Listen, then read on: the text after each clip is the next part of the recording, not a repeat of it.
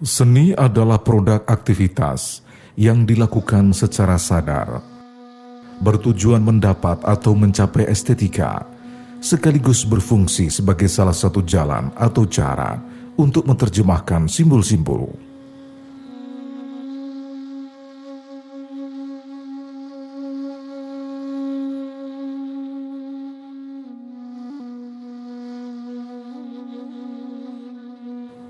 Kualitas simbol-simbol dan estetika dipengaruhi oleh sublimasi antara harmoni, kontras, frekuensi, ritme, serta intensitas dalam proses kelahiran seni. Karena itu, seni sering berkonotasi estetika atau keindahan.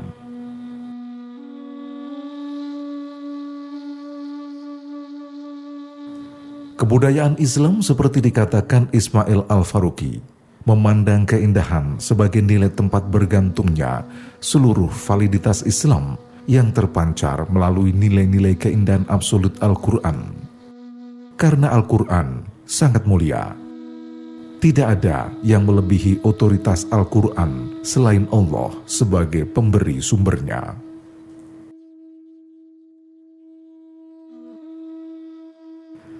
Al-Faruqi selanjutnya mengisyaratkan Estetika dalam Islam adalah sublimasi bukti keilahian, yaitu kualitas Al-Quran tidak bisa ditiru atau ditandingi, baik dalam hal sastra, komposisi, irama, keindahan, balakoh, kesempurnaan gaya, serta kekuatan dalam menampilkan makna.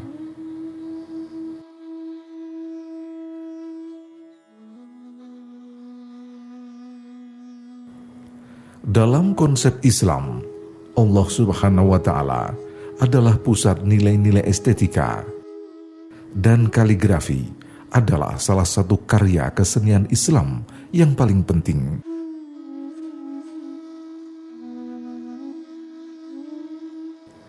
Kaligrafi Islam yang muncul di dunia Arab merupakan perkembangan seni menulis indah dalam huruf Arab yang disebut khat. Definisinya sama dengan pengertian etimologis kata kaligrafi dari kata Yunani kaligrafia atau menulis indah. Dalam perkembangannya, huruf Arab yang menjadi objek seni khat berkembang sesuai perkembangan tempat di mana asal seni khat berada. وهو الذي أنشأ لكم السمع والأبصار والأفئدة قليلا ما تشكرون الواو رأس الواو مطموس يستقر على السطر بتدرج في السمك الهاء بمستوى أعلى من كتابة الواو Pada abad ke-10 misalnya, gaya kufi merupakan awal perkembangan khat yang tadinya agak kaku menjadi semakin lentur dan ornamental meskipun tetap angular. Lalu berkembang pula bentuk khat yang bersifat kursif atau miring yang diwujudkan dalam seni yang disebut sulus, naski, raiham, riko, dan tauki. Pada fase berikutnya, gaya riko dan tauki tak digunakan lagi. إلى مستوى استقراره على السطر بهذه الطريقة نصحح طرفه بطرف القلم النقطة في الأعلى الياء من الأسفل إلى الأعلى ثم للأسفل Kaligrafi Islam adalah pengejauhan tahan visual dari kristalisasi realitas-realitas spiritual yang terkandung di dalam wahyu Islam. Kaligrafi datang untuk menduduki posisi khusus yang sangat istimewa dalam Islam, sehingga bisa disebut sebagai leluhur seni visual Islam tradisional dan memiliki jejak sangat istimewa dalam peradaban Islam. Munculnya Al-Qat Al-Arabi dengan bentuk yang baik dan indah sangat penting pada masa Islam karena Al-Qat adalah seni asli dan di dalamnya terdapat ruh peradaban serta falsafah Islam. Kaligrafi bahkan sangat berperan penting dalam perkembangan agama Islam di berbagai penjuru dunia.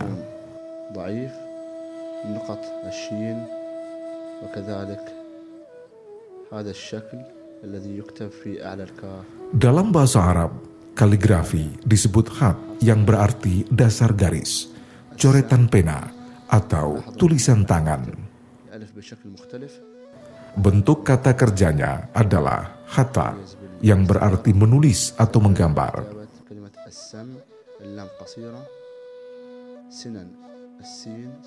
Bahasa Arab mengistilahkan kaligrafi dengan kata fat, ditujukan pada tulisan yang indah. Dari segi terminologi, dikemukakan oleh ahli kaligrafi Syekh Samsudin Al-Afghani dalam kitabnya Irsat Al-Hasid pada bab Hasil Al-Ulum. Had adalah ilmu yang memperkenalkan bentuk huruf tunggal, penempatannya dan cara merangkainya menjadi tulisan atau apa yang ditulis dalam baris-baris atau tulisan. Bagaimana cara menulisnya dan menentukan mana yang tidak perlu ditulis, mengubah ejaan yang perlu digubah dan bagaimana mengubahnya.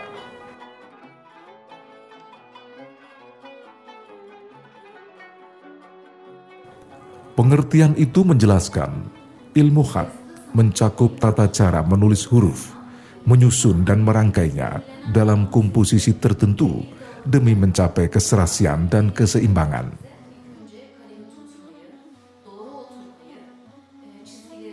Dibandingkan dengan seni Islam yang lain, kaligrafi menempati posisi paling tinggi dan merupakan ekspresi spirit Islam yang sangat khas. Oleh karena itu, kaligrafi sering disebut sebagai seninya, seni Islam.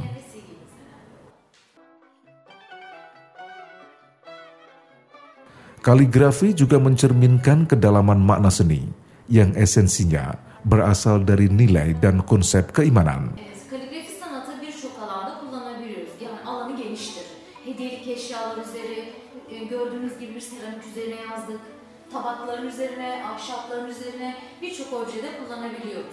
Keistimewaan kaligrafi dalam seni Islam terlihat terutama karena merupakan suatu bentuk pengejawantahan firman Allah Subhanahu wa taala yang suci.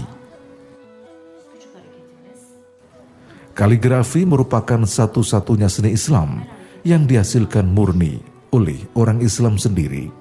Tak seperti jenis seni Islam lainnya, misalnya arsitektur, seni lukis, dan ragam hias yang banyak mendapat pengaruh dari seni dan seniman non-muslim. Tak mengherankan jika sepanjang sejarah, penghargaan kaum muslim pada seni kaligrafi jauh lebih tinggi dibanding dengan jenis seni yang lain.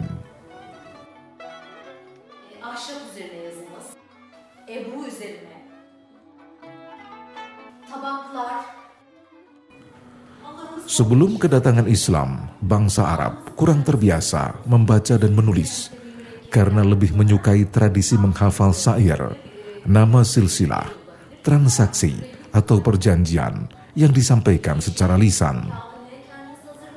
Hanya sedikit kalangan tertentu seperti bangsawan yang menguasai keterampilan membaca dan menulis. Sebagian sumber-sumber sejarah menyebutkan ada 17 laki-laki dan 7 perempuan yang bisa menulis di Mekah saat itu. Sebagian sumber lain menyebut terdapat 42 penulis. Rasulullah Shallallahu Alaihi Wasallam memerintahkan pada para tawanan perang Badar untuk mengajari kaum muslimin menulis sehingga muncul para sahabat yang ahli dalam menulis atau melakukan pencatatan ayat-ayat Al-Quran seperti Ali bin Abi Thalib radhiyallahu anhu.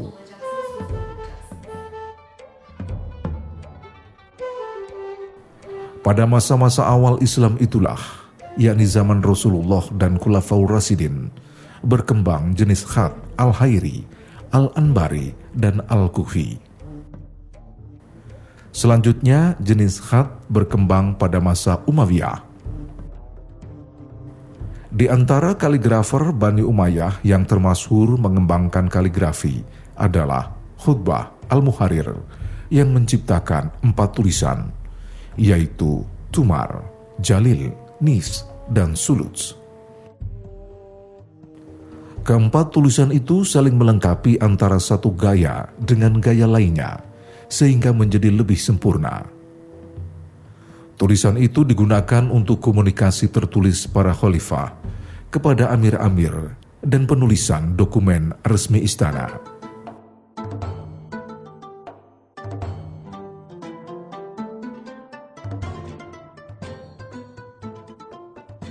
Periode Abbasiyah juga menunjukkan perkembangan seni khat telah mencapai masa keemasan karena motivasi para khalifah dan perdana menteri sehingga bermunculan kelompok kaligrafer jenius. Pemakaian kaligrafi pada masa Daulah Abbasiyah menunjukkan keberagaman, jauh jika dibanding dengan masa Umayyah. Para kaligrafer Daulah Abbasiyah sangat ambisius menggali penemuan-penemuan baru atau mendeformasi corak-corak yang sedang berkembang. Periode pasca Abbasiyah di wilayah Islam bagian barat atau Maghribi yang mencakup negeri Arab dekat Mesir, termasuk Andalusia pada abad pertengahan, juga berkembang bentuk tulisan yang disebut khat Maghribi atau Kufi Barat. Selanjutnya, pertumbuhan kaligrafi masuk pada tahap konsolidasi dan penghalusan untuk menghasilkan karya masterpiece di zaman kerajaan Islam Persia, seperti Ilhaniyah pada abad ke-13, Timuriyah abad ke-15, Safia abad 16, serta beberapa dinasti lain seperti Mamluk dan Suriah, Utsmani Turki pada abad ke-14, bahkan sampai kerajaan Islam Mughal India dan Afghanistan. Selama ratusan tahun dari masa ke masa era kejayaan Islam, banyak lahir karya besar yang menunjukkan puncak kreasi agung seniman kaligrafi, sekaligus menjadi lambang semangat perjuangan Islam. Eratnya kaitan antara Al-Quran dan kaligrafi menyebabkan kaligrafi berkembang pesat dan menyebar merata di dunia Islam.